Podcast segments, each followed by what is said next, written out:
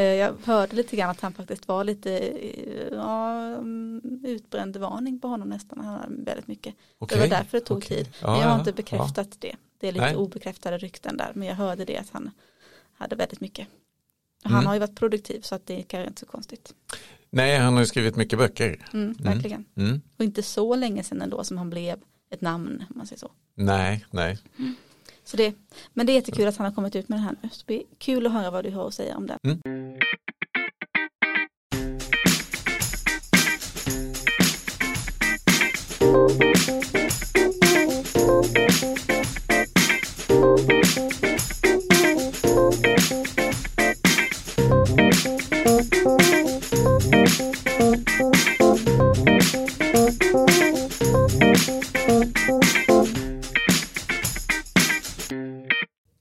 Vi igång. Och jag vill ju Ja. presentera vår gäst här nu.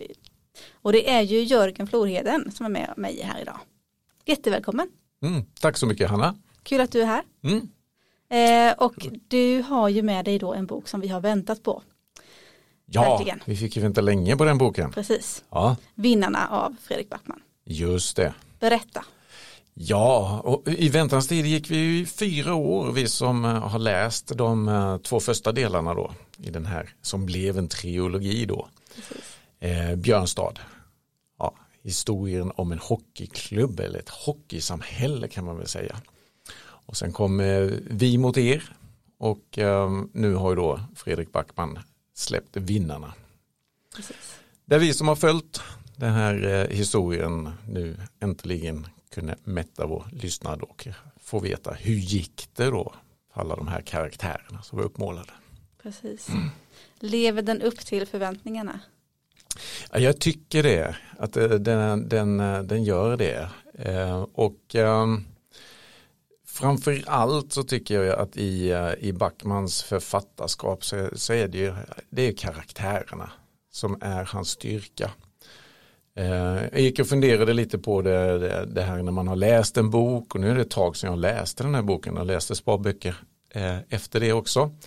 Eh, och ofta är det så att du, i alla fall för min del, jag, jag tappar böcker, jag kommer inte ihåg riktigt och blandar ihop. Men så är inte fallet med eh, Fredrik Backmans Vinnarna.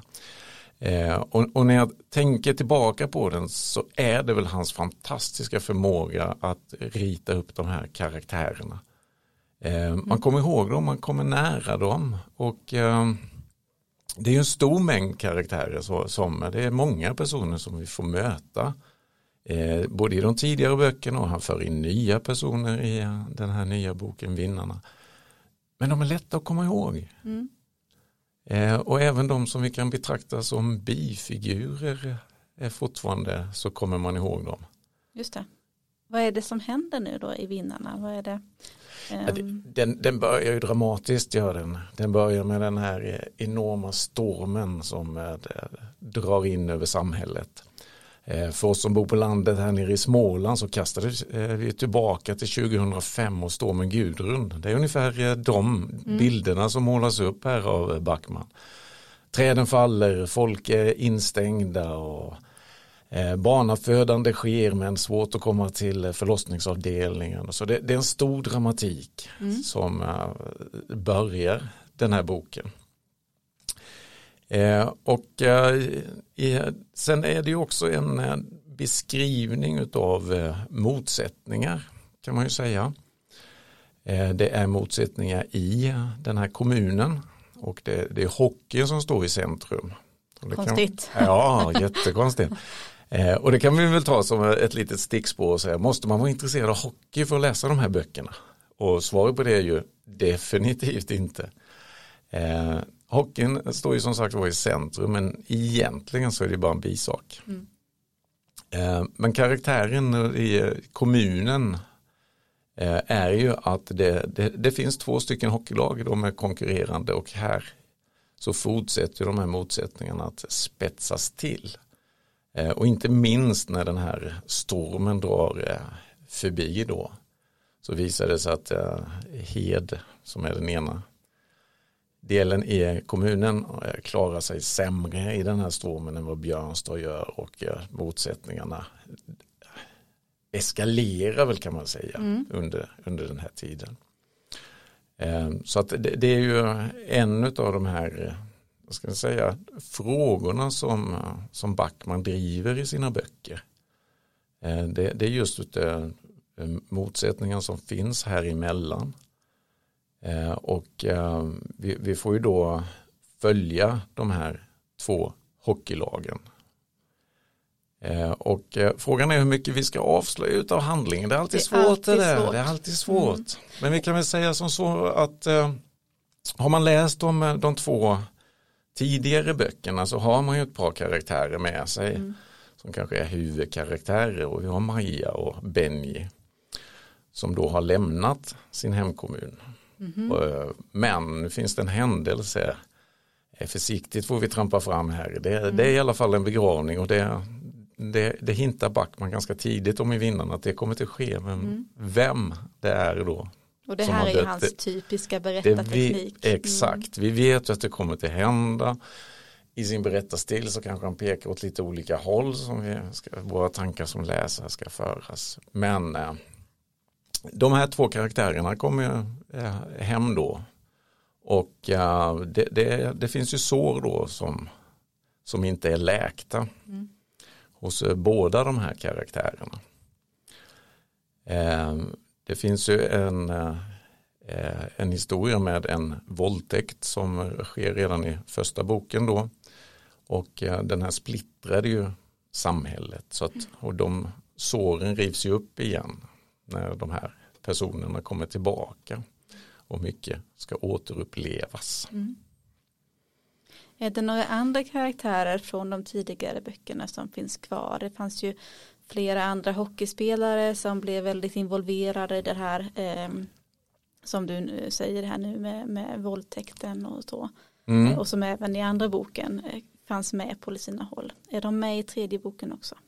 Ja, viss, vissa av dem är det. Eh, och eh, vi, vi har ju då eh, eh, Benji kommer ju tillbaka som en av de här hockeyspelarna. Han, det kan vi säga, han har ju lagt av med hockeyn. Eh, vi har Amat som går och bär på sina hockeydrömmar om att komma till NHL och få upprepa eh, det stora eh, som Majas pappa Peter då stod för. Att komma från det lilla stället Björnstad och faktiskt få lira i NHL. Och sen har vi Bobo, en annan karaktär som får större plats i den här boken, Vinnarna. Mm. Eh, och som eh, får rollen av någon slags brobyggare, helare i, i det här. Han kliver fram på ett annat sätt i, i Vinnarna än vad vi kanske har sett honom i, i de andra böckerna. Mm. När du nu har fått följa de här karaktärerna över tre böcker nu. Eh, kan du se en utveckling i dem och tycker du hur ser du på hur de här karaktärerna har växt? Hur har Backman eh, låtit dem leva så att säga? Jo, och eh, det, det kan man väl se på lite olika sätt att eh, karaktären Maja växer i, eh, i, i styrka kan man ju säga eh, i hela den här och, och det, det skiftar nog lite mellan karaktärerna. För han har, har ju också ett, ett vemod, tragik och sorgligheter som på ett sätt utvecklar och fördjupar karaktärerna också. Mm. Men eh, vi får ju ganska tidigt i boken ve- veta att det kommer inte att gå väl för alla i den här historien och det gör det ju inte heller. Mm. Nej. Det hintade han ju om faktiskt tror jag redan i första boken. Exakt, att det finns vissa sagor som inte har lyckliga slut Mm. som man uttrycker det. Mm. Ja, eh, jag är jättespänd på att läsa den. Eh, jag tänker att man ändå vill avsluta den här historien. Eh, den är ju Mm. lite tjockare än vad hans första två har varit. Även Mm. om de inte har varit tunna böcker så är den här då den längsta. Mm. Är den för lång? Det, är det någonting som jag skulle säga att eh, jag skulle vilja sett annorlunda i den här boken är nog att eh, det, det finns vissa delar när man känner att det trampar lite vatten. Mm. 700 sidor hade det nog inte behövt. Nej. Det, den, den hade kunnat eh, göras lite kompaktare i, Mm. i, eh, i berättelsedrivet lite. Så det, det, det är väl den delen möjligtvis. Mm. Att, nej, lite, lite kortare hade den kunnat vara. Mm. Det är svårt kanske ibland att, att döda sina älsklingar som det heter. Eh, så, så kan det vara ja. Ja men jättespännande i alla fall. Ska det bli. Mm. Jag hoppas att tror att det är många där ute som eh, har väntat på den här boken precis som vi har gjort. Mm. Mm. Jag har ju också med mig en rätt så etablerad författare får vi säga. Det är Claes Östergren. Och han har vi, hade inte så länge sedan vi hade honom i podden faktiskt. Den här romanen Två pistoler som han skrev i höstas. Hade vi med tidigare i ett avsnitt. Och nu kommer han med en till. Så här kan man ju undra hur produktiv är han. Eh, men det här är delvis redan publicerade noveller. Som han har eh, samlat i en bok som heter Julrevy i Jonseryd och andra berättelser. Och då är det, jag tror att det är totalt eh, sex, åtta stycken noveller, förlåt, åtta stycken är det.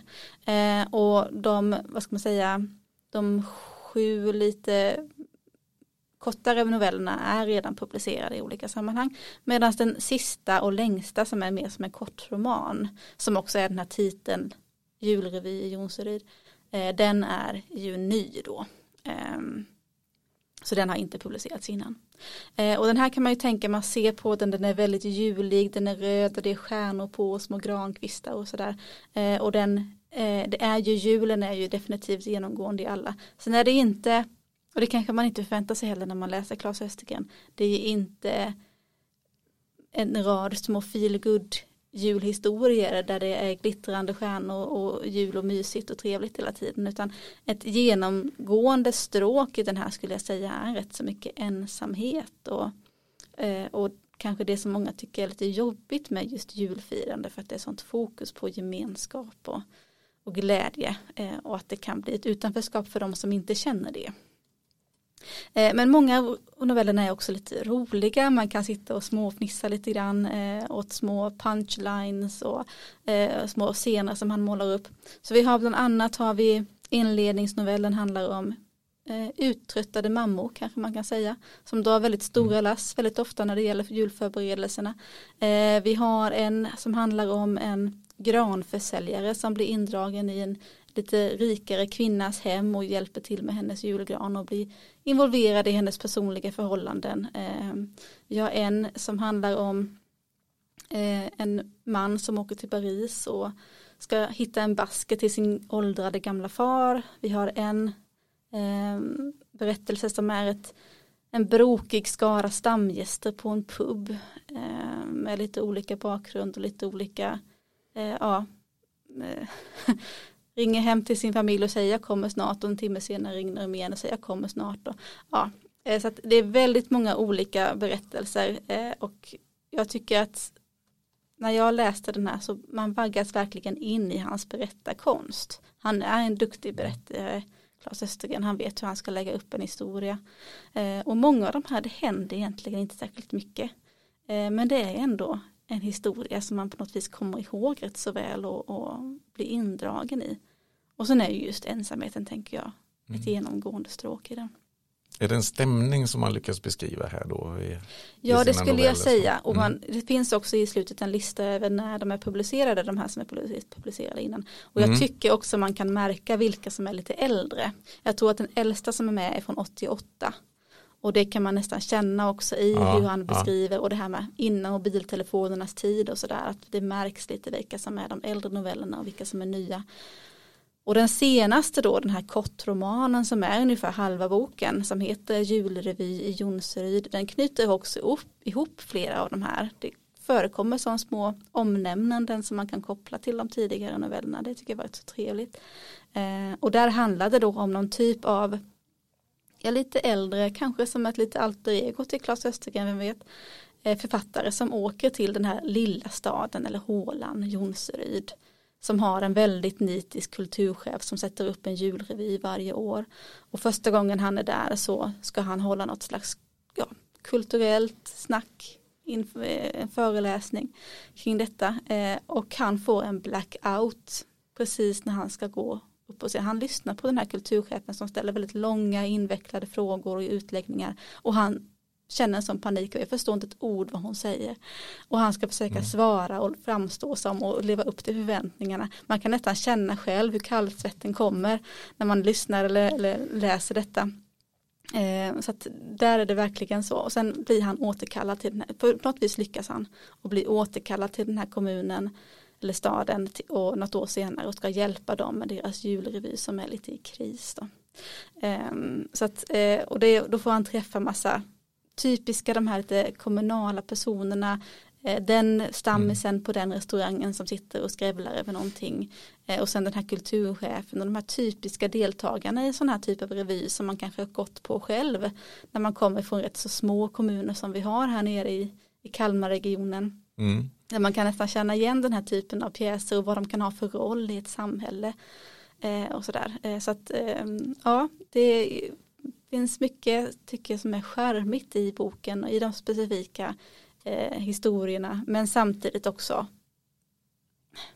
lite deppigt. Och det kanske på sätt och vis är bra att det här avsnittet kommer ut efter jul. För man kanske ja. går in i det med fel stämning annars. Men samtidigt så är det ju också en påminnelse på vi, vi försvinner gärna i alla förberedelser och så. Och mm. tänker kanske inte alltid på hur det ser ut för andra människor under den här tiden. Det är någon novell här som avslutas med eh, formuleringen december är den hemskaste månaden eh, som ju är någon slags anti mm. Eh, till mm. vad många tycker om december och jultid att det är den bästa tiden på året och sådär eh, men ja det är ett annat mm. perspektiv på julen kanske som jag tycker skiner igenom rätt så mycket i de här novellerna och jag tyckte nog om det. Hittar du någon sån eh, klassiker bland de här novellerna? Alltså, som du tror att det här kommer att bli bestående? Så Claes Östergren kanske inte är den som man tänker på i det sammanhanget som kan bli den svenska julklassikern. Och i och med att de är så pass eh, man tänker jämför till exempel med Karl-Bertil Jonsson eller något sånt där som har blivit mm. en sån klassiker, alla vet.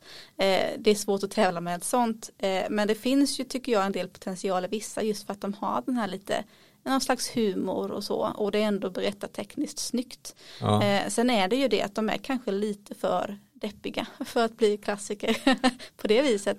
Ja, eh, men jag tänker vi har Lundells eh, fantastiska beskrivning, det kyssen han gör den här ja, beskrivningen och det, det, mest tragiska julfirandet vi kan tänka mm. oss. Jo, det är sant. Ja, det kanske blir så att det här blir en återkommande bok som man sitter och kryper upp med inför julen. Mm. Ehm, eller att det blir sådana där noveller som återkommer i radio eller vad det nu kan vara. Mm, eller man kan fnissa lite som Mm, precis. Mormor gråter med gardell eller något ja, sånt. Ja, just det, precis. Mm. Ja, men det är väl inte helt otänkbart. Eh, och några av de här har varit med och de är just skrivna för radio, en del av dem och sådär. Så att eh, mm, det mm. kanske blir så att de blir den nya, den nya traditionen. Eh, men nu får man kanske se om man vill läsa julberättelser så här nu när vi ändå är inne i januari här nu. Eh, men annars får man väl spara den här till nästa år helt enkelt. Jag tror att den kommer hålla sig tills dess. Ja, eller så kan man läsa den med lite distans till julen ja, då. Kanske då man ska bättre. läsa det. Mm. Precis. Ha, jättekul att ha med dig Jörgen, jättekul att vi fick höra om Fredrik Backmans senaste bok eh, och eh, så hoppas vi att du kan komma tillbaka till podden framöver. Tack så mycket Anna. Tack, tack.